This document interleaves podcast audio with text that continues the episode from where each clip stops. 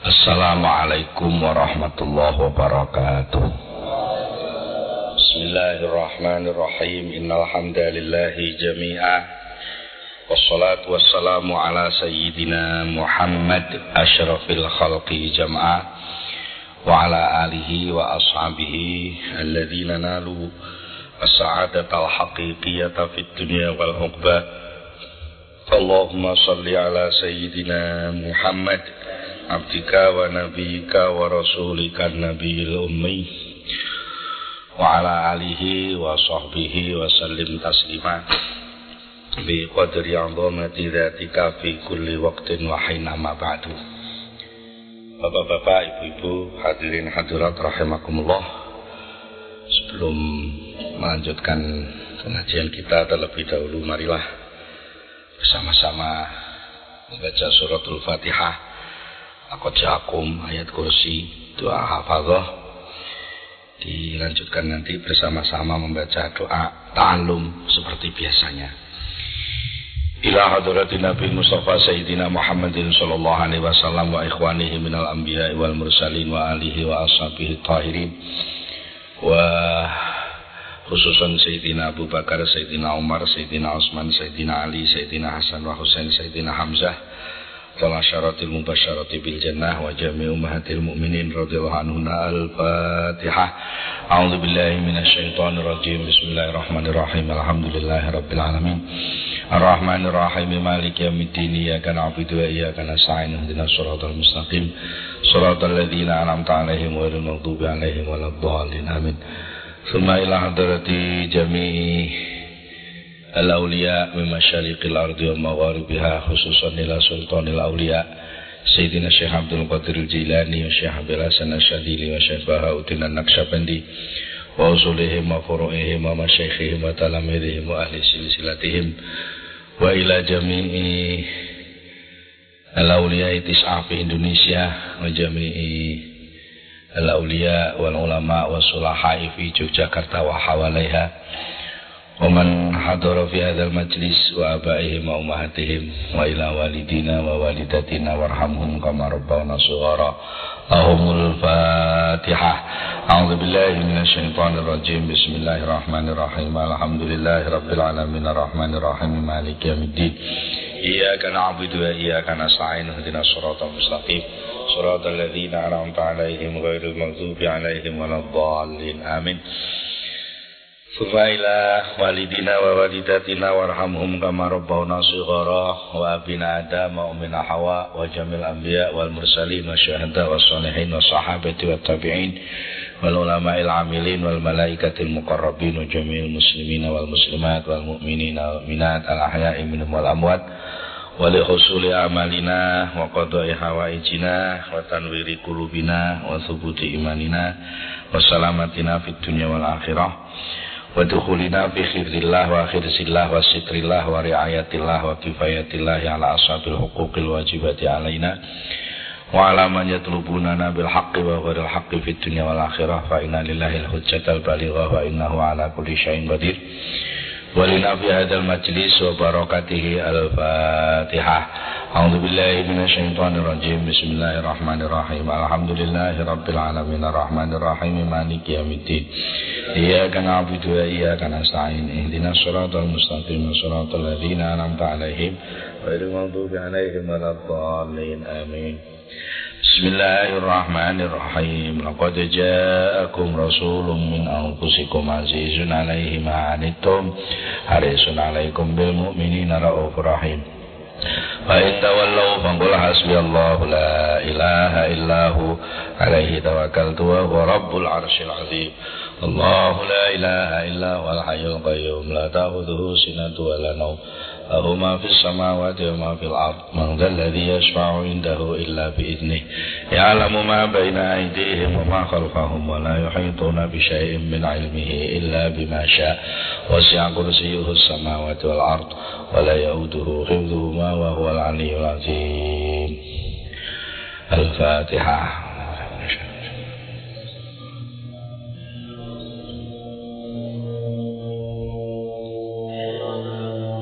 Bismillahirrahmanirrahim. Wa ولا يؤذو حفظهما وهو العلي العظيم وحفظ من كل شيطان مريض وحفظا ذلك تقدير العزيز العليم وحافظناها من كل شيطان رجيم إنا نحن نزلنا ذكر وإنا له لحافظون له معقبات من بين يديه ومن خلفه يحفظونه من أمر الله الله حافظ عليهم وما أنت عليهم بوكيل كل نفس لما عليها حافظ فهو قرآن مجيد في الله محفوظ فإن تولوا فقل حسبي الله لا إله إلا هو.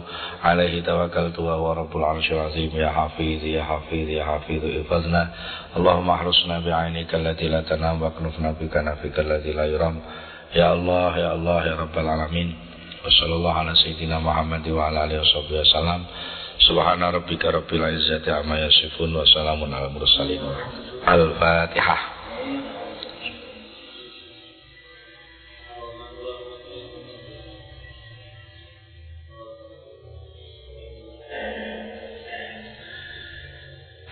Selanjutnya mari kita baca doa ta'alum seperti biasanya. Saya dulu yang baca, panjenengan yang mengikuti. Bismillahirrahmanirrahim. Subhanakallahumma Rabbana la ilma lana illa ma 'allamtana innaka antal alimul hakim wa tub alaina innaka antat tawwabur rahim. Wa taqabbal minna. Innaka antas samiul alim. Wa alimna min ladunka. Ilman nafi'ah ya dzal jalali wal ikram.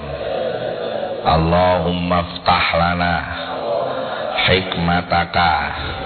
Wansur alaina rahmataka يا ذا الجلال والإكرام ربي زدني علما ووسع في رزقي وبارك لي فيما رزقتني واجعلني محبوبا في قلوب عبادك وعزيزا في عيونهم واجعلني وجيها في الدنيا والآخرة wa minal muqarrabin. Ya kasiran nawali. Ya hasan al ya qaiman bila zawali. Ya mubdi'am bila misali. Falakal hamdu wal minnatu wasyarafu ala kulli hal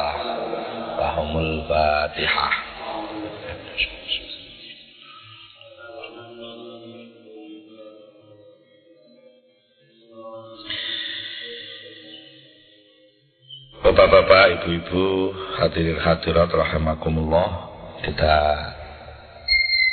mulai membahas Al-Hikam. Sebelumnya mari kita tabaruk hadiah Fatihah kepada mu'alif yaitu Syekh Ibn Atta'illah dari Al-Fatihah. A'udzubillahi. Bismillahirrahmanirrahim. Alhamdulillahirabbil alamin.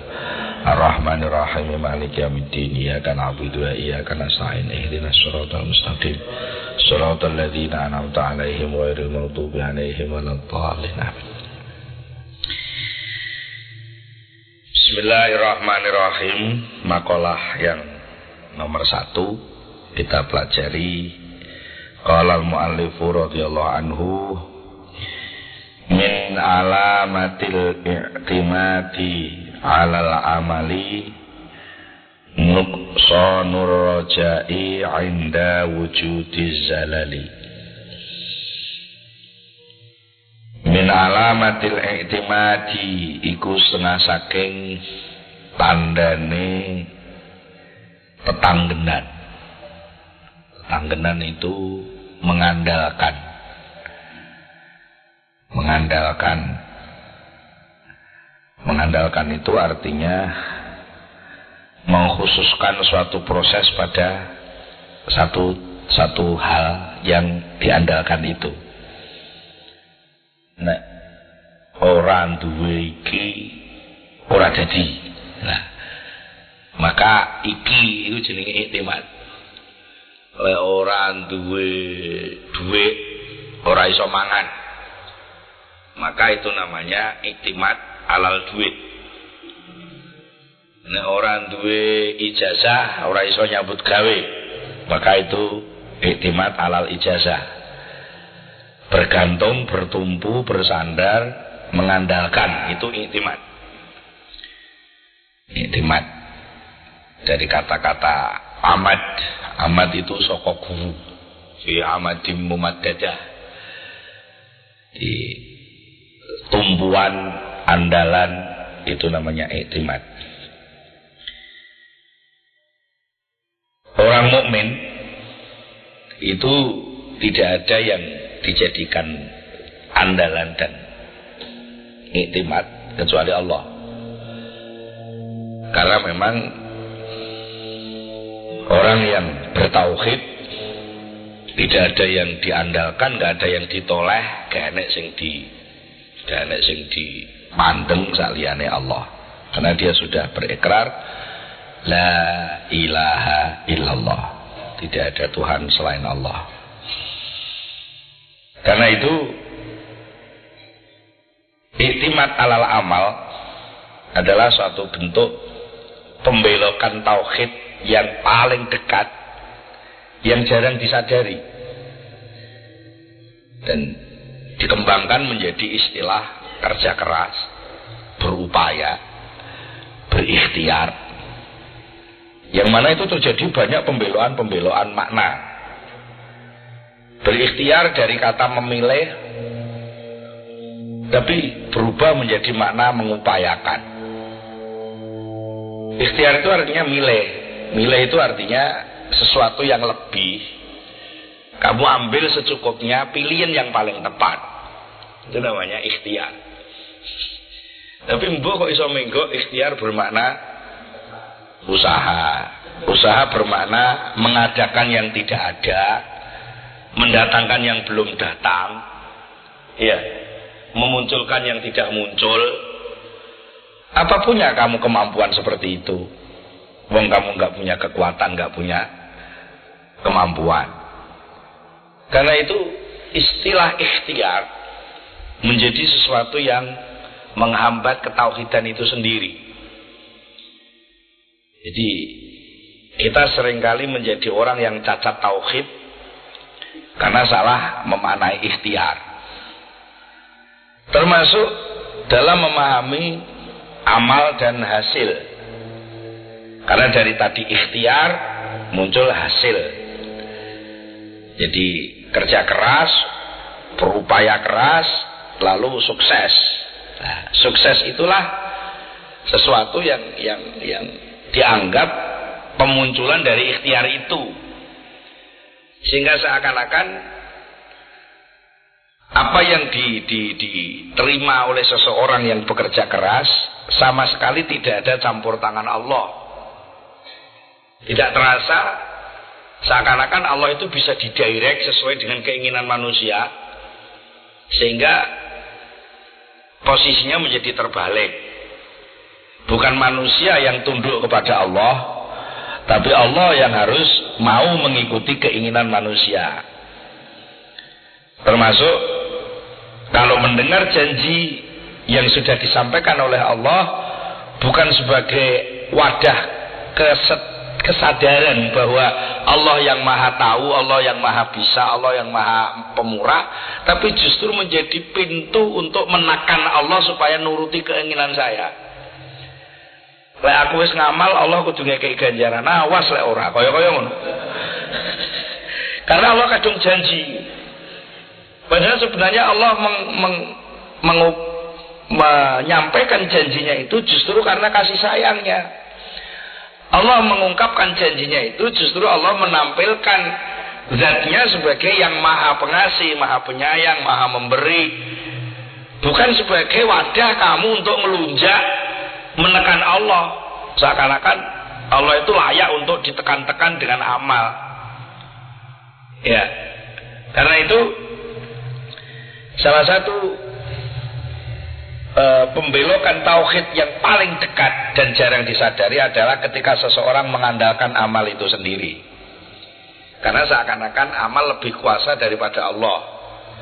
Amal lebih ruso katimbang takdiri Gusti Allah. Seakan-akan amal itu ke ke kemampuanmu, amal itu wilayahmu bukan wilayah Allah.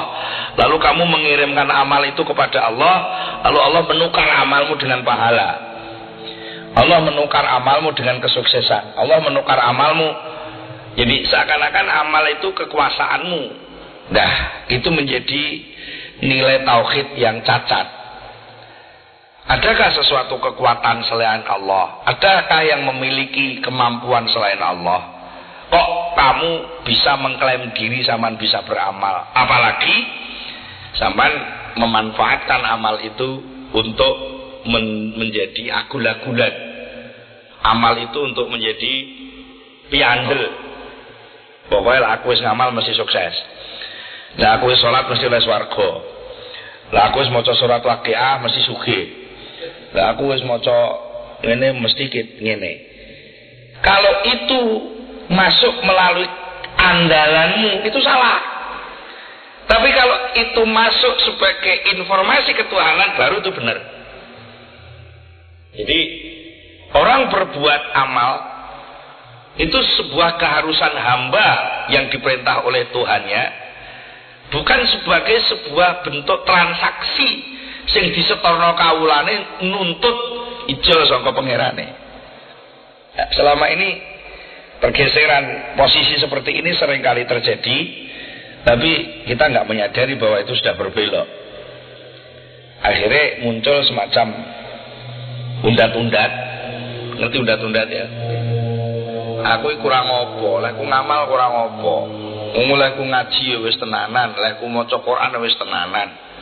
Mulai aku riadoh ya wis tenanan tapi kok panggah urung nih Allah selalu tertuduh sebagai Tuhan yang telat memberi. Allah selalu di, di, dipojokkan oleh manusia bahwa seakan-akan Allah selalu memendeng kehendak manusia. Agui wis dungo barang apa enggak orang hasil. Eh, terus akhirnya gini, ya wis. Aku tak ngamal, Allah bendang maringi. Nah, Aku tak ngamal, Allah bendang maringi. Eh, bendang bendang diperhatekno. Lupa kamu bahwa kemampuan amal itu kemampuan dari Allah. Masa kowe ngamal Allah ora ro. Wong sing gawe ngamalmu ya Gusti Allah. Wallahu khalaqakum wa ma ta'malun. Allah lah yang membuat kamu dan apa yang kamu kerjakan. Nah, biasanya orang-orang yang yang me menggunakan kekuatan logika dia akan mempertanyakan sampai sejauh mana kebebasan manusia untuk memilih. Dan sampai sejauh mana kekuatan manusia untuk me mencapai sebuah kesuksesan. Kalau semua sudah dihandle Allah lah untuk apa bekerja? Mesti ngono malike. Iya sebenarnya pertanyaan itu adalah pertanyaan ngelunjak. Artinya bahwa kamu bekerja itu adalah sebuah proses yang diciptakan Allah. Bukan suatu alasan untuk diberi. Karena sebelum kamu kerja saja sudah diberi. Lah kan ya ngono. Kowe urung lah apa-apa ku lho, mbek Allah wis diwehi sembarang kalir. Lah kok kowe aja arep muni lek aku ku kerja ngene engko oleh ngene, kerja ngene oleh ngene. Lah kowe kerja iku lho sing maringi sapa? Ya. Kowe iso salat iku sing maringi sapa? Lho kok mentolo men, lek kula pun salat angsal napa? Lah kan yo. Lah ini ini ini ada satu celah bagaimana tauhid itu retak ketika antara anugerah berupa kemampuan dan anugerah berupa pemberian itu kamu pisah mestinya pemberian dan dan kemampuan kedua-duanya jadi satu itu anugerah kue sholat yo anugerah kue oleh suarga yo anugerah dan itu satu kesatuan sak paket. Jadi lek kowe wis nampa salate berarti kowe yo nampa swargane wong sak paket. Eh? Jangan kamu anggap sholat itu kekmu, swarga itu kayak Gusti Allah, terus sholatmu mbok ijol swarga. Itu terjadi pemisahan. Yang mestinya satu paket, kedua-duanya datang dari Allah, itu kamu anggap sesuatu yang yang yang berpisah. Nah, akhirnya makna kesatuan, makna ketauhidan itu menjadi menjadi retak. Jadi enek-enek semacam klaim bahwa iki kakku Allah gak melu-melu Allah gak melu-melu jadi aku sholat yang mereka aku sing pengen diduwidai Allah nah aku karep ya tak sholat gak karep ya ora apa-apa. Mergo pengen iki sing nentokne aku. Tapi lek aku wis gelem sholat Allah kudu ngekei swarga. Lah lah itu kan sesuatu yang yang uh, menjadi cacat kehambaan. Posisi mulai ngamul aku ning ndi? Lek modele kue tuntut menuntut seperti itu. Karena itu di di awal makalah ini sebenarnya ini adalah sebuah pemaknaan lain dari Bismillahirrahmanirrahim karena Al-Hikam memang tidak ada Bismillahnya kitab Al-Hikam tidak dibuka dengan Bismillah tetapi makalah yang pertama ini sebenarnya adalah menerjemahkan Bismillah dengan nama Allah yang maha pengasih, maha penyayang. Kalau Allah sudah maha pengasih, maha penyayang. Itu berarti lah Allah memberi ini orang mergo ngamalmu itu. Justru amalmu itu pemberiannya Allah. Mana mesti nih orang kok terus kamu ngalor ngidul ngendel-ngendel lah mau iso ngamal terus mbok nuntut sapa-sapa. Iki ya lek ngamali dhewe cek ora sepiro. Ngamali wong liya barang dipek. Iki jariah mbahku, kudu aku sing dadi takmir. Lha wong sing ngamal jariah kok ndek sing nuntut posisi. Eh? Jadi banyak sekali amalnya orang lain kamu andalkan juga. Hanya karena kamu nempel menjadi putune, menjadi kancane. Enggak bisa. Wong itu semua mutlak milik Allah. Nah, dene kue dikongkon, hati-hati, kue diperintah oleh Allah, itu justru dalam rangka mengangkat derajatmu sebagai makhluk yang patut diperintah. Allah merintah ki mergo awakmu. Ora kok Allah perintah ki butuh lakonmu. Jadi kowe dikongkon salat kuwi sakjane sing sing oleh dudu Allah, sing oleh ki awakmu awakmu sing asale sibuk ngurusi dunya awakmu sing asale madhep ning makhluk diawe karo bisa rene nek madhep aku nah sing asale kowe ngurusi gabah ngurusi toko ngurusi sesuatu yang yang yang yang bersifat duniawi kamu di, di, diajak oleh Allah dipanggil hayya ala sholah hayya ala sholah artinya kamu di dicomot oleh Allah dipilih untuk layak melok-melok nimbrung menghadap kepada Allah Subhanahu wa taala. Itu sudah luar biasa. Kowe iki sapa lan apa kok payu disuku Allah kon madhep. Wis sajane wis luar biasa. Eh? Lah kok kowe isih kober, kula mungkin lek salat dikeki napa lho. Kowe payu salat iku wis ora apa-apa lho. Kok kok kok ijek muni kula mungkin salah napa? Nah ini karena itu kalau kita benar-benar sadar sebenarnya di makalah yang pertama ini Syekh Ibn Atta'illah mem mem memunculkan istilah yang yang saling terkait yang semuanya menjadi bungkus orang hidup. Ada empat istilah yang tampil di sini. Yang pertama iktimat, yang kedua amal, yang ketiga roja, yang keempat zalal.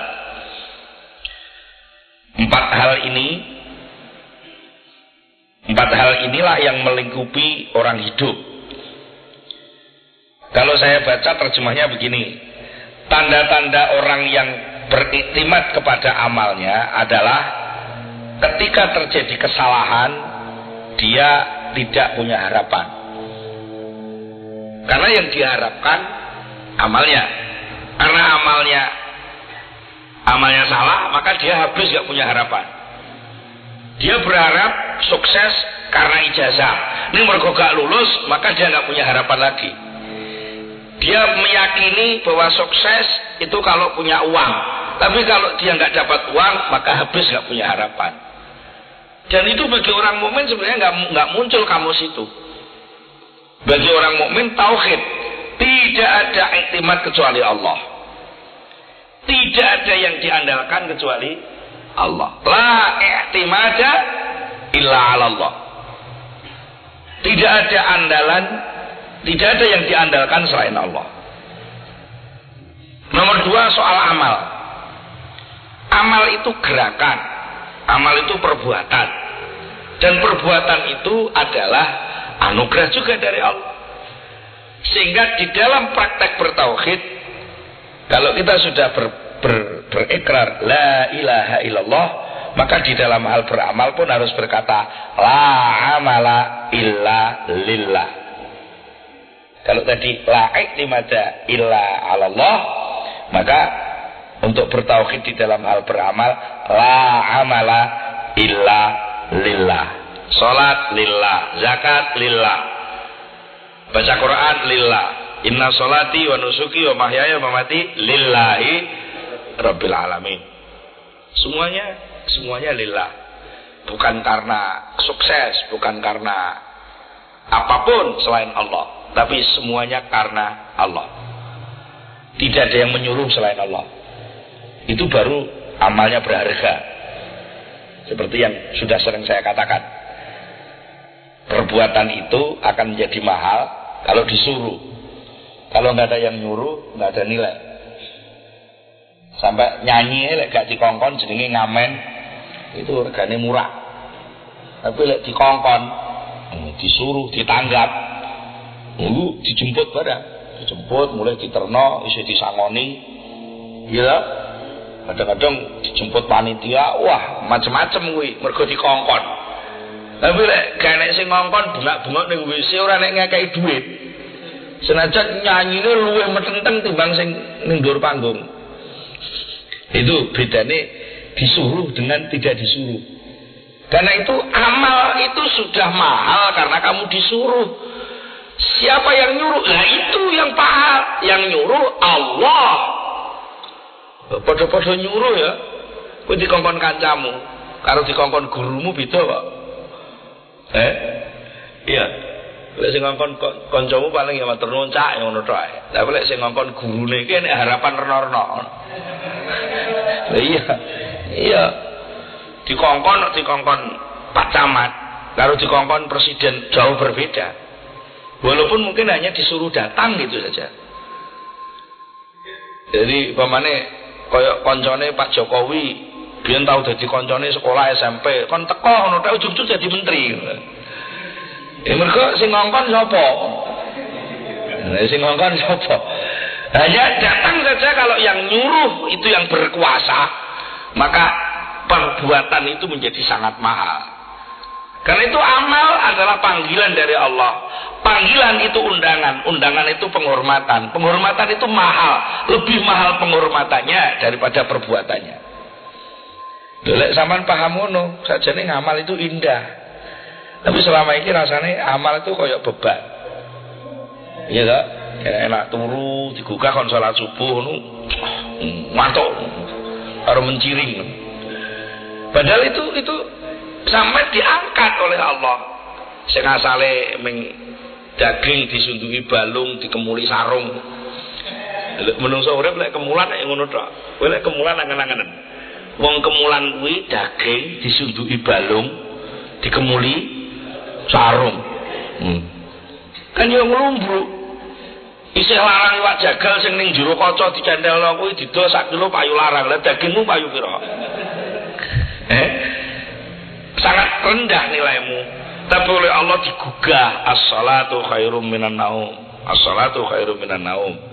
Itu luar biasa perpindahannya dari yang sangat tidak berharga menjadi perbuatan amal yang mahal karena diperintah oleh Allah Subhanahu wa taala. Kemudian yang ketiga, ar-roja. Salah satu indikasi kehidupan yang mendasar juga adalah orang punya keinginan dan cita-cita, harapan. Mulai wis urip tenan mesti duwe harapan, duwe cita-cita. Wis kan duwe harapan iki mencurigakan, kuwi iki urip ora. Wong urip ora duwe rencana, ora duwe kepinginan. Sing jenenge urip iku mesti duwe kepinginan, duwe kegayuan, punya harapan. Nah, harapan itu tidak ada yang bisa menyelesaikan selain Allah. Jadi la roja illa ilallah. Faman kana yarju liqa rabbi. Roja. Jadi berharap berharap itu yang sesuai sama nek berharap dapat bensin ya kudu marani pom bensin. Nek zaman berharap mau dapat uh, nambal ban ya kudu marani tukang tambal ban. Zaman berharap akan dapat jajan ya kudu marani bakul jajan. Nah, zaman berharap kepada penyelesaian hidup ya harus mengenal yang punya hidup. Kan ngono. Runtut kan ngono. Tidak ada yang hidup ini kecuali dihidupi. Nah, berarti kalau sampan pengen hidup harus mengenal yang membuat hidup. Karena itu tidak ada harapan kecuali kepada Allah. Itulah tauhid fil. Jadi ada tauhid fil i'timad, ada tauhid fil amal, ada tauhid fil roja. Tauhid fil roja. Kemudian yang terakhir kesalahan. Kesalahan adalah realitas manusiawi. Al-insan makhluk khata wa. Itu. Kalau sama nggak mau salah, jangan jadi manusia. Kullu bani adama khata'un wa khairul at-tawwabun. Jadi kesalahan itu adalah sifat inti kemanusiaan supaya apa? Supaya yang benar hanya Allah. Salian Allah kan yang benar. Jadi lek ngeyel jaluk diakoni bener padha karo ngeyel pengen jadi pangeran. Itu maknanya. Yang terpenting kalau kamu salah, kamu butuh penyelesaian kesalahan. Tidak ada yang bisa menyelesaikan kesalahanmu kecuali Allah sendiri. Wa illallah. Tidak ada yang bisa menghapus dosa-dosa selain Allah. Karena itu dosa itu bukan kekuatan yang menghalangi rahmat Allah. Amal juga bukan kekuatan untuk menggeret rahmat Allah. Selama ini kita punya anggapan nek wis ngamal itu punya daya untuk menggeret rahmat Allah. Nek dosa seakan-akan dosa itu kekuatan yang bisa menolak rahmat Allah. Keliru kabeh. Nek kowe duwe keyakinan ngono, berarti nek kekuatan saliyane Gusti Allah. Eh? Karena itu nek kowe wis muni la ilaha illallah, sebenarnya sudah selesai semua. Tidak ada Tuhan selain Allah. Tidak ada yang memberi selain Allah. Lek Allah yang memberi, saliyane Allah kene sing iso ngalang-alangi. Eh, anjur. Dong kowe urung ngamal wis diwehi yo. Kowe duwe ro, duwe kuping, hasil olehmu ngamal apa diparingi? Ya wis tak wis jelas kok eh? Kowe durung ngamal wis diparingi. Lah kok kowe saiki iso ngamal kok malah kemelinti terus harap mendesak-desak Allah untuk supaya Allah mau memberi. Itulah akibat orang yang mengandalkan amal. Jadi ciri nih wong sing mengandalkan amal dia akan merasa sempurna dengan amalnya seakan-akan dia punya daya dengan amal itu. Sebaliknya kalau dia pas salah, maka dia akan terjebak oleh kesalahannya. Seakan-akan kesalahan itu punya daya ikat yang sedemikian rupa sampai Gusti Allah kuat mudari. Eh, akhirnya putus asa. Kedua-duanya salah. Eh, putus asa juga salah, kemelinti juga salah. Eh, iya, lepas. Salah kuwi enek solusine, apik kuwi duduk klaim untuk dirimu apa wujudu hakmu salah salah aku dudu vonis terakhir untukmu. Tapi justru banyak sekali salah itu sebuah bentuk proses pendekatan kepada Allah. Ngono saja nih mergo kowe salah kowe njaluk uruk ben bener kan ngono ta? Iya ora? Aja aja aja malah salah terus malah mundur. Salah kuwi alasan paling tepat untuk minta dibenarkan Iya. Selama ini kan wis mbok hakimi dhewe, wah wong nek potongane salah kaya aku wis Ora iso nyedek Gusti Allah. Pemenang mbahku PKI, bapakku bajingan. Aku kecil ora tau ning masjid ah wis ora pantas dadi masuk swarga. Lho, sajane sing sing dadi hakim sapa to? Kok kowe dhewe sing mutusi lah, itu. Kamu nyelonong memutusi, itu namanya kamu sudah menjadi hakim. Salahmu jadi hakim kuwi luwih nemen katimbang salahmu le badi bajingan kuwi. Lek dadi bajingan paling kali dadi maling dadi bajingan. Tapi lek ujug-ujug nek hakim mbok kon ngalih kowe lungguh ning kono kowe iki nemen salahmu. Sing berhak menghakimi hanya Allah. Maliki yaumiddin itu hanya Allah. Dan itu yaumiddin loh. Gak iso mbok putusin ning kene. Eh? Nanti di di di di akhirat itu banyak kasus-kasus seperti itu. Sing sing nun jauh di luar dugaan banyak orang di luar banyak dengan banyak orang. Ada orang yang yang yang membanggakan amalnya. Dia hidup 500 tahun. Misalnya Bani Israel, salah seorang ahli ibadah Bani Israel, dia hidup 500 tahun. Tidak pernah maksiat. Oleh Allah dia di, di, di, diberikan rezeki yang mudah di pinggir sungai. Dia hidup di situ. Oke lek lesu cukup-cukup enak iwak matang nih musolane. Enak buah ceblok nih sanding musola. Pokoknya wis karomahnya luar biasa. Dia ibadah terus zikir terus nggak pernah. Pokoknya nggak tahu salah. Nggak tahu maksiat. Nah, setelah dia mati di hari kiamat dia dipanggil oleh Allah suruh nuntun malaikat. Eh ini anu kan wong iki terno ning swarga mesakne aku karo wong iki. Mesakne iki lho dia gak terima. Dia ngeyel. Dia pun sak pantese to Gusti lek kula mlebu swarga mboten keranten ngesakno. Dengan kok dawuh ngesakne niku lak berarti ngamal kula mboten nek artine. Panjenengan kula niki ngamal niku 500 tahun. Ternyata oh ngono caramu. Ya wis saiki dijukukno malaikat tukang apa kuwi? Audit. Malaikat sing tukang ngaudit menimbang nikmat. Iku iku selama 500 tahun kuwi ndek mripate melek apa merem kuwi? Nggih melek Gusti. Wis sak sisih mripate timbangan kuwi bobot kenikmatan meripat sak sisih kuwi bobote pira terus dhek lek ngamal 500 tahun kuwi karo meripat sitok kuwi abot endi iya Saman, saman bisa amal itu kan perangkatnya banyak sekali. Eh, lho sampean roh saiki pemerintah nom-nom saiki wis gampang tafakur kuwi. Meng sekedar gunane memori komputer pirang giga ngono ae butuh butuh power pira, butuh pira. Ya. Lah saiki memori sing jenenge utekmu pirang atus giga mbok goyah ana yaene itu arep nyewani pira. Kowe lek nggarap skripsi nyewa komputer pira? Eh. Nah, iki karo Allah ditotos demikian rupa kowe iso iso maca dungane salat iso kok ngono mbok mbok mbok andalan gitu. Salah itu lho. Dudu salah wong amal ya. Dudu salah wong amal. Kamu membanggakan karena orang mengandalkan mesti membanggakan ya. Orang iso mengandalkan enggak membanggakan. Wong lek mengandalkan Iku mesti membanggakan. Kowe nek kuliah mengandalkan sepeda pancal. Ya kowe iso itu loh dengan sepeda pancal kowe. Alah masih sepeda pancal lelek kene lah iki iso ngeternaku kuliah. Mesti membanggakan gitu. Oh iya, pemedinya uang kowe mesti gak terima.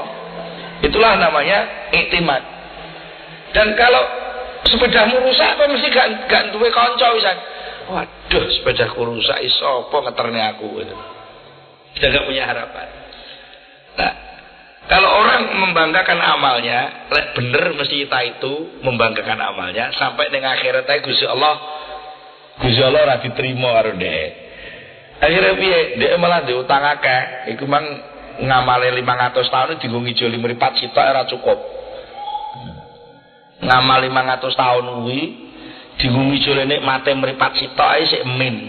Ndak durung mripat sing tengen durung sikile tangane irunge kupinge Akhirnya nduk utang akeh ning Allah, dihisap betul akhirnya malah mlebu neraka. Mergo apa membanggakan amal. Kan sebenarnya amal itu nggak bisa dibanggakan. Ngamal kuwi ana artine, lek enek sing biji kan ngono kan? Iya. Sebuah pekerjaan itu ada nilainya kalau ada yang menilai, ada yang menghargai. Lah kok sing tukang menghargai ku Allah.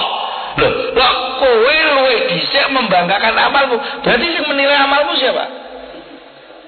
Dirimu sendiri. Kalau yang mengamal menilai amalmu dirimu sendiri iku padha karo enek mahasiswa garap ujian dhewe, gawe soal-soal dhewe, digarap-garap dhewe, dibener-benerno dhewe, dibiji-biji dhewe terus distempel dhewe.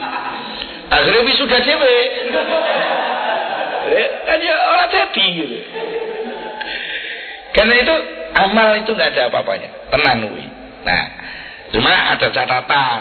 Biasanya lompatan logika kita akan berbalik. Nah kalau amal itu nggak ada apa-apanya lah untuk apa dijalani? Biasanya ngono mali ya. Nah kalau nggak ada apa, yang dimaksud nggak ada apa-apanya itu secara zatiyah. Secara zatiyah itu tegasnya gini. Ini ada gelas.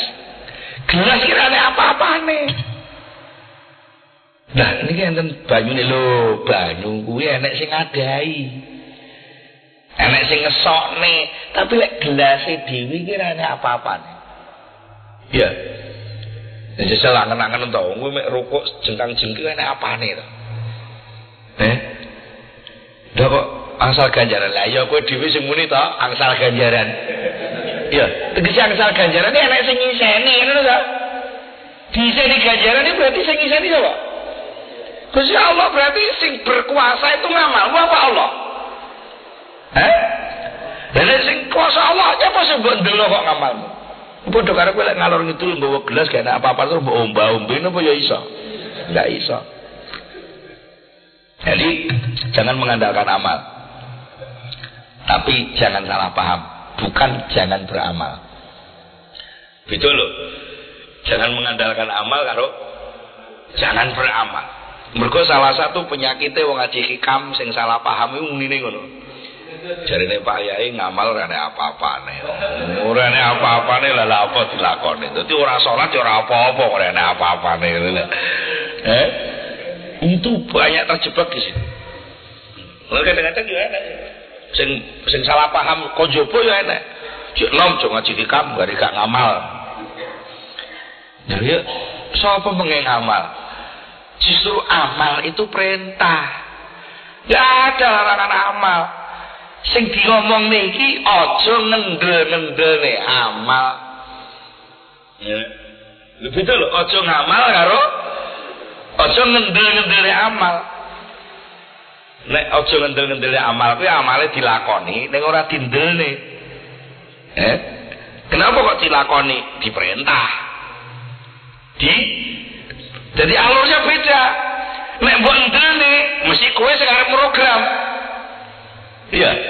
Kowe pengen mencapai sesuatu, maka kamu menempuh melalui amal ini. Berarti amal ini programnya siapa? Menjadi programmu. Kalau itu menjadi programmu, yang nyuruh siapa? Dirimu. Kalau yang nyuruh dirimu, yang akan bayar siapa? Ya, dirimu sendiri wong yang nyuruh kamu. Mulanya kau mengandalkan amal mesti dimukadimai dengan mengklaim kemampuan diri. Itu otomatis gue. Lek kau mengandalkan amal berarti langkah awal yang kamu lakukan adalah mengaku-ngaku amalku. Mesti ngono. Iya. Dan dulu aja ngono tak? Tapi coba lek kau sadar bahwa ini anugerah Allah. Amal itu anugerah Allah. Lek amal itu anugerah Allah. Berarti amal itu dari mana? Nah kalau itu dari Allah, berarti yang berperan mutlak siapa? Nah, berarti amal itu sendiri menjadi mahal karena amalnya apa karena Allah? Ya karena Allah. Kalau karena Allah berarti amal itu gak ada apa-apanya kan enggak? Penuh urutin logika. Lek zaman urute urut pengandalan, maka zaman harus lebih dulu bisa beramal. Ya. Maka kalau amalmu salah, kamu sudah tidak punya jalan. Tapi kalau kamu mengandalkan Allah, mengandalkan Allah, amal itu nggak ada yang salah. Lek kowe mengandalkan Allah, amal itu kayak sing salah.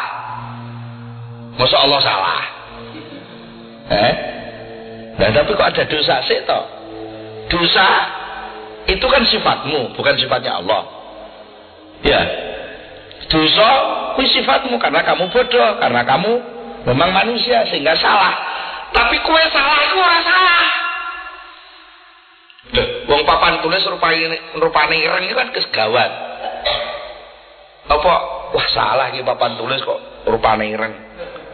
Ya wis karo sing gawe digawe ireng ya wis sing penting kue siap ditulisi ngono ta. Jadi lek kue berbuat salah jangan berhenti mengfonis diri tapi siapkan dirimu untuk bisa ditulisi istighfar.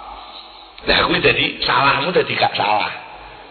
Karena itu salah bukan alasan menghalangi rahmat Allah.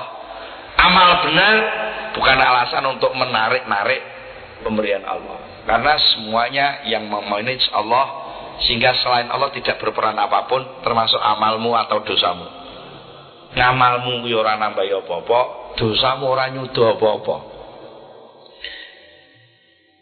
Terhadap Allah. Nah, kudu enek tulisane ngono. Ngamalmu ora nambah apa-apa, dosamu ora nyudo apa-apa terhadap Allah. Tapi lek terhadap dirimu, amal itu anugerah Allah. Eh, amal itu anugerah Allah berarti harus kamu syukuri. Dosa itu panggilan Allah harus kamu istighfari. Lek digawe dosa karo Allah, kuwi maknane kowe dipanggil Allah dikongkon ngincipi asma al-ghaffar. Jadi orang ponis terakhir enggak? Kamu di, diundang Allah, kongkon manggon, kon nganyari jeding, kon nganyari kolah, Mulane kowe dicelup-celupno ning peceren dhisik.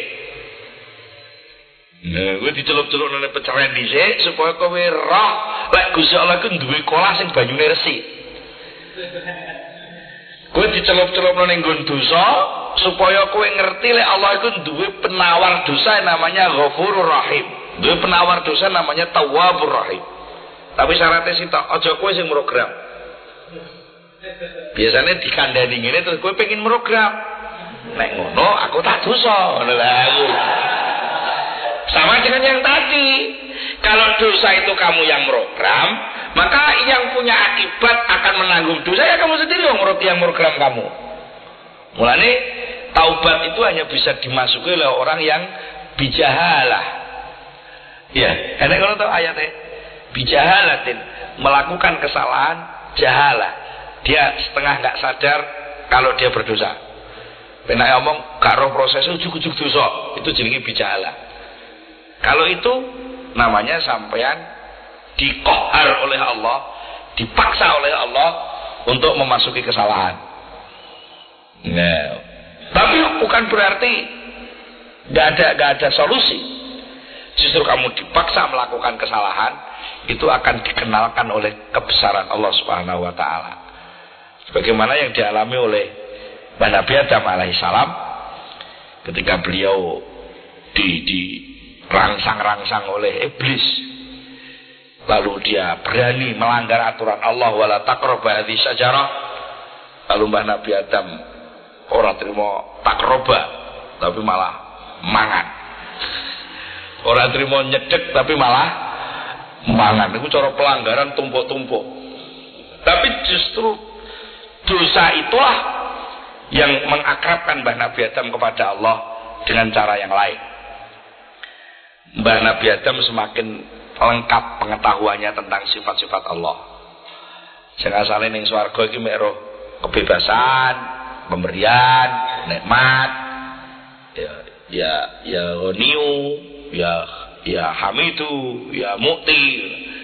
Tapi ketika dia berdosa maka dia bisa menyebut ya ghafar, ya ghafur, ya tawab. Karena itu sebenarnya ketika Nabi Adam berbuat salah itu adalah proses pemilihan yang dilakukan Allah kepada Mbah Nabi Adam untuk memasuki asma at-tawwab. Di ayatnya Allah berfirman, "Fatalaqqa Adamu min kalimatin fataba alai." Jadi proses fazallahu syaitan proses di, di, digelincirkan oleh setan sehingga Mbak Nabi Adam berani me, mengikuti kehendaknya sendiri. Karena setiap kesalahan itu berawal dari ngeyel. Ngeyel. Ya ngeyel itu bahasa Jawanya apa? Ya, ngeyel. Ngeyel itu punya pilihan sendiri. Sajane Allah kan wis dawuh lek Nabi Adam dipilih dadi khalifah fil ardi ya ta. Jailun fil ardi khalifah. Nah, ketika dia mau menjadi khalifah oleh Allah disuruh istirahat dulu di surga. Anu no. Ber, ber disujudi malaikat, iso nyebut asma. Ya Akhirnya karo Allah wa qul ya adamuskun anta wa zawjukal jannah wa kula rawatin haitsu syi'tuma wa la taqrabu hadhihi syajarata fatakuna minadh dhalimin. Mulai dilatih untuk mengikuti instruksi. Kon mangan, mangan dikongkon. Uskun anta wa zukal jannah wa kula. Dikongkon manggon, kongkon mangan. Tapi kok enek batasan tuh. Mangan kok dibatasi. Itulah satu bentuk bagaimana Allah me, me, melatih Mbak Nabi Adam untuk melakukan sebuah aturan. Nah, ternyata di situ ada daya gugatan. Ngeyel itu, Bang. Menungso banyak tukang ngeyel. Dan rangsangan ngeyel ini diperbesar oleh iblis. Sehingga iblis memberikan suatu suatu logika gini. Awakmu kuwi saiki wis manggon ning swarga swarga kuwi nggon nikmat lan Gusti Allah kuwi duwe swarga lek trimo mbok nggo kuwi ora entek ya kok enek batasan wala takrobah di sajarah apa kira-kira Gusti Allah wedi kelangan wit kuwi piye ya nek kowe paham tenan dam Gusti Allah maha luas. Nek terima wah ki mbok pangan ora masalah. Kowe ngerti? Kenapa Gusti Allah kok membatasi kamu nggak boleh kamu nggak boleh makan sejarah ini? Jawabnya gak ngerti aku cak.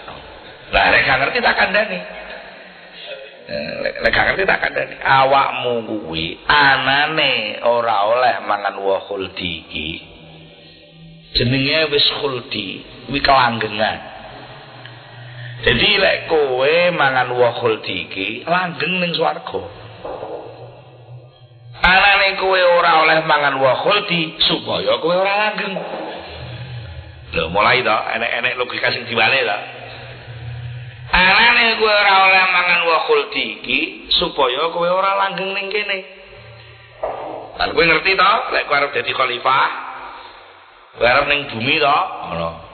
Lah nek kok mangan wakulti gak sida ning bumi, kowe engko ning kene ae. Iki kuwi nomor loro. Kowe apa yo ora pengin to? Kaya malaikat-malaikat itu. Antakuna malakaini. Jadi anane Allah melarang kamu nggak boleh mangan buah ini hanya karena supaya kamu nggak iso jadi malaikat. Karena menurut pandangan Mbak Nabi Adam, pangkat kemalaikatan itu pangkat yang lebih tinggi. Ya, Al-Malakiyah itu adalah suatu suatu pangkat tinggi yang mendekatkan makhluk pada Allah. Itu apa al al ausaf al-malakiyah. Jadi tobiah malakiyah, karakter kemalaikatan itulah menurut Nabi Adam sesuatu yang lebih tinggi. Nabi Adam digawe lali karo Gusti Allah lek. Dhek iki wis disujudi malaikat. Eh, mestine kan yo enggak usah pengen toh. Nah, tapi wong wong wong ki lek lek lek dipenging malah pengen jajal. Lek dipenging malah pengen jajal, lek ditutup-tutupi pengen buka ngono. Nah, dibuka tenan ya wis paleh ngono kuwi tok ngono. Jadi itulah akhirnya dengan mengambil keputusan sendiri Nabi Adam dengan keputusannya sendiri beliau berani makan sejarah itu akhirnya terjadilah pelanggaran itu tetapi pelanggaran itu memang diskenario oleh Allah agar punya alasan Adam untuk dikeluarkan dari surga turun di bumi. Justru ketika Adam turun di bumi maka proses kekhalifahnya lebih cepat. Mane menungsoi kadang-kadang nek diliwatno jalan sing normal suwi maka dia nek pengen sing cepet ya kudu lewat jalan sing ora normal. Tapi mesti penuh resiko dan biaya ya mesti nek pengen cepet kudu lewat jalan tol kudu bayar. Nek pengen dingah-dingah ya ya ya jalannya macet sepi ruwet. Dan itu itu sunatullah. Itu sunatullah. Jadi Mbak Nabi Adam salah, tapi kesalahan itu bukan vonis terakhir. Justru kesalahan itu untuk menekan Mbak Nabi Adam agar bisa berdoa, agar bisa beristighfar, agar bisa menyebut nama Allah dengan lebih mesra. Rabbana dolamna anfusana wa illam taghfir lana wa tarhamna lanakunanna minal khasirin. Itu uh, tauhidul zalal dengan penuh keyakinan wa may yaghfiru dzunuba illallah tidak ada yang bisa menetralisir kesalahan kecuali Allah. Jadi ada empat tadi la iktimada illallah la amala illa lillah la roja'a illa illallah wa la maghfirata minazalal illa minallah. Jadi la yaghfiru dzunuba illallah. Ini sebenarnya untuk me, me, apa ya untuk nyeleni beban mergo ngamal kuwi lek mbok akoni ya dadi bebanmu mergo kowe harus siap dikoreksi iya ya ngamal kuwi lek, lek pekerjaan itu kalau kamu akui mbok tulis namamu pekerjaannya siapa ini? Pekerjaan saya pak. Kowe kudu siap dikoreksi. Ya semono kowe kowe berbuat salah kok kamu tanggung sendiri maka kamu harus menanggung resiko kesalahan itu juga. Tapi kalau kamu sadar bahwa salah pun masih bisa dibenahi, benar pun bukan milik saya pribadi, maka sama jadi netral. Dilem wong ya ora kupuh, dipaidu wong ya ora repot. Wong ora menurut duwe aku salah ya panjen aku menungso ya elek salah. Jadi ora beban. Tapi lek kowe apik dilem ya ora kupuh ngono. Dilem ku wong hebat hebatnya umpamanya mbek Gusti aku digawe hebat. Hmm. Sajen aku ya ora enek apa-apa nih, salamun dhewe lah mundelok aku sing ketok hebat. Iya lah. Jadi dipaido ya ora kupu, dilem ya ora. Maka itulah pintu ketauhidan. Pintu keikhlasan, pintu memasuki wilayah netral dan itu makna daripada la ilaha illallah. Jadi ada empat hal yang bisa menghalangi tauhid. Satu tadi amal bisa berbelok takoni, malah gak bertauhid. Ya, terus bergantung kepada amal, berarti tidak kepada Allah, juga membelokkan tauhid. Punya harapan kok klepean jaluk tulung wong orang jaluk tulung Allah. Apalagi berharap kepada amal. Itu juga kosong ketemu kosong. Ya. Coba sama nangen-nangen kolak kono. Nalika kowe beramal, iku lah urung duwe apa-apa. Ya. Ya ora. Sampai mbok tumpuan kok. Digo tumpuan ta? Jadi aku kepengen panen. Wis ana panene? Kepengen iku durung. Sing jenenge rojak harapan ku mesti durung. Eh? Dan nek wis lapo diadep arep. Durung panen to? Nah, terus kowe mengandalkan macul. Aku pengen panen, nek ngono aku tak nggarap sawah. Nalika nggarap sawah kuwi wis panen apa durung? Eh? Berarti pekerjaan garap sawah kuwi iso metu panene apa ora? Eh? Wis Enggak, nalika kowe macul garap sawah ku lho, wis enek panene apa durung? Dereng iku enek apa kosong? Ayo, barang kosong mbok arep-arep lho. Eh. Sita. Nalika kowe nggawa piring, piring kuwi wis enek segone apa durung? Apa iso piring mbok arep-arep ring piring metu segone ngono? Eh? Layak enggak logika ini? Enggak bisa. Sing mbok arep-arep aja piringe. Sing ngongkon jukuk piring ku lho arep-arepen. Ngene. Monggo Pak, piringe dipundhut Pak. Beto mriki. Lah engko tak soki sego. Lah kuwi baru enek segone. Eh? Harapan itu barang kosong. Amal dilakukan itu juga sesuatu yang kosong. Nah, barang kosong kok mbok raih dengan kekosongan. Keluar boleh apa? Ya wes, naplo we. Ya. Jadi pempiring rane segone mbok plenet. Mentu segone togo sego, apa ring piring enggak bisa. Kamu gelem enggak gelem kudu mengandalkan sing ngongkon cukup piring memang. Nek piringe dhewe mbok arep-arep segone ra metu. Ngamal kuwi mbok arep-arep ganjarane ra metu. Tapi ngamal metu ganjarane mergo diparingi karo sing ngongkon ngamal. Eh, paham? Ojo mbandakne ngamal iku mau. Ngamal iso berbelok mengganggu tauhid. Harapan bisa juga mengosongkan harapan itu sendiri. Kalau salah centelan. Berharap kepada selain Allah itu mesti kecelek. Ngerti kecelek ya? Kecelek kuwi kaya iya tapi ora. Apa saja apa saja. Pokoknya agar duduk Allah itu kamu harapkan mesti nggak jadi. Semonogo sampai pada tingkat zalal. Nah ini. Kadang-kadang orang berbuat salah, tidak meyakini kasih sayang Allah, malah sibuk ngurusi salahnya. Iku sing akeh. Jadi lek kowe salah, kupuh nutupi salahmu to ben ora konangan wong. Iya. Seakan-akan yang namanya perbuatan salah itu sesuatu yang berbahaya sehingga harus di harus dianulir, harus digagalkan.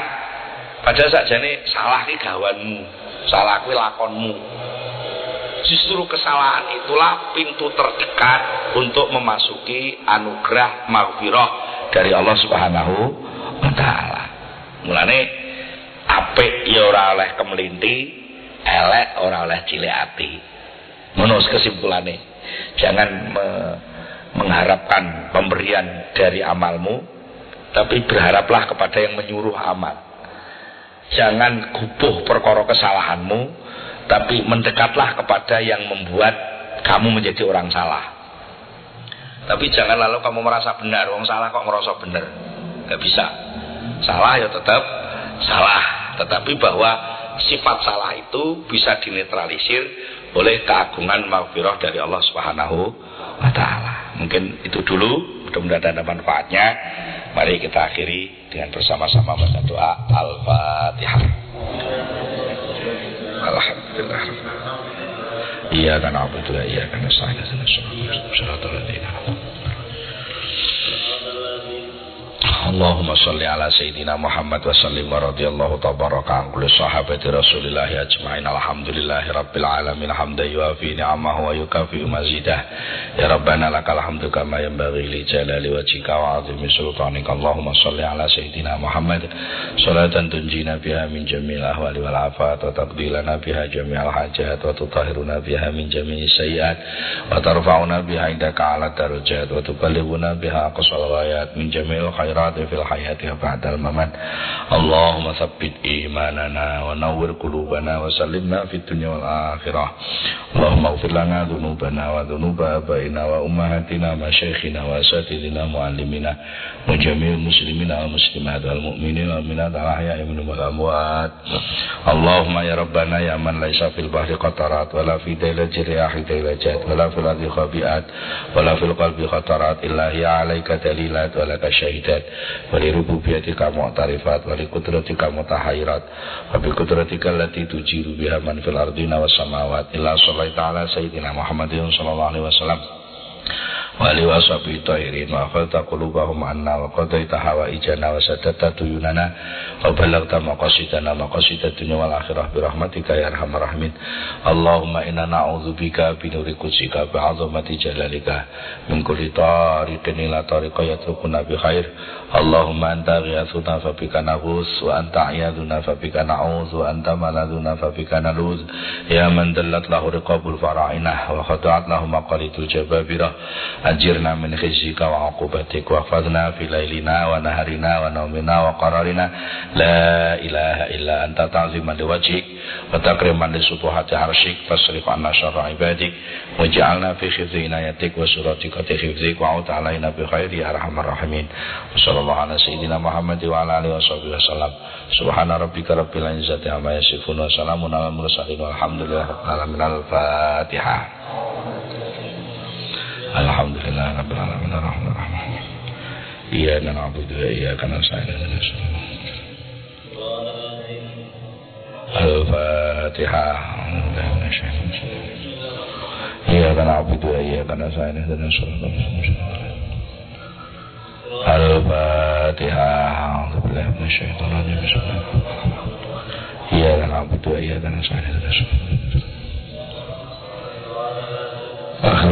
Assalamualaikum warahmatullahi wabarakatuh. Allahumma salli ala Muhammad.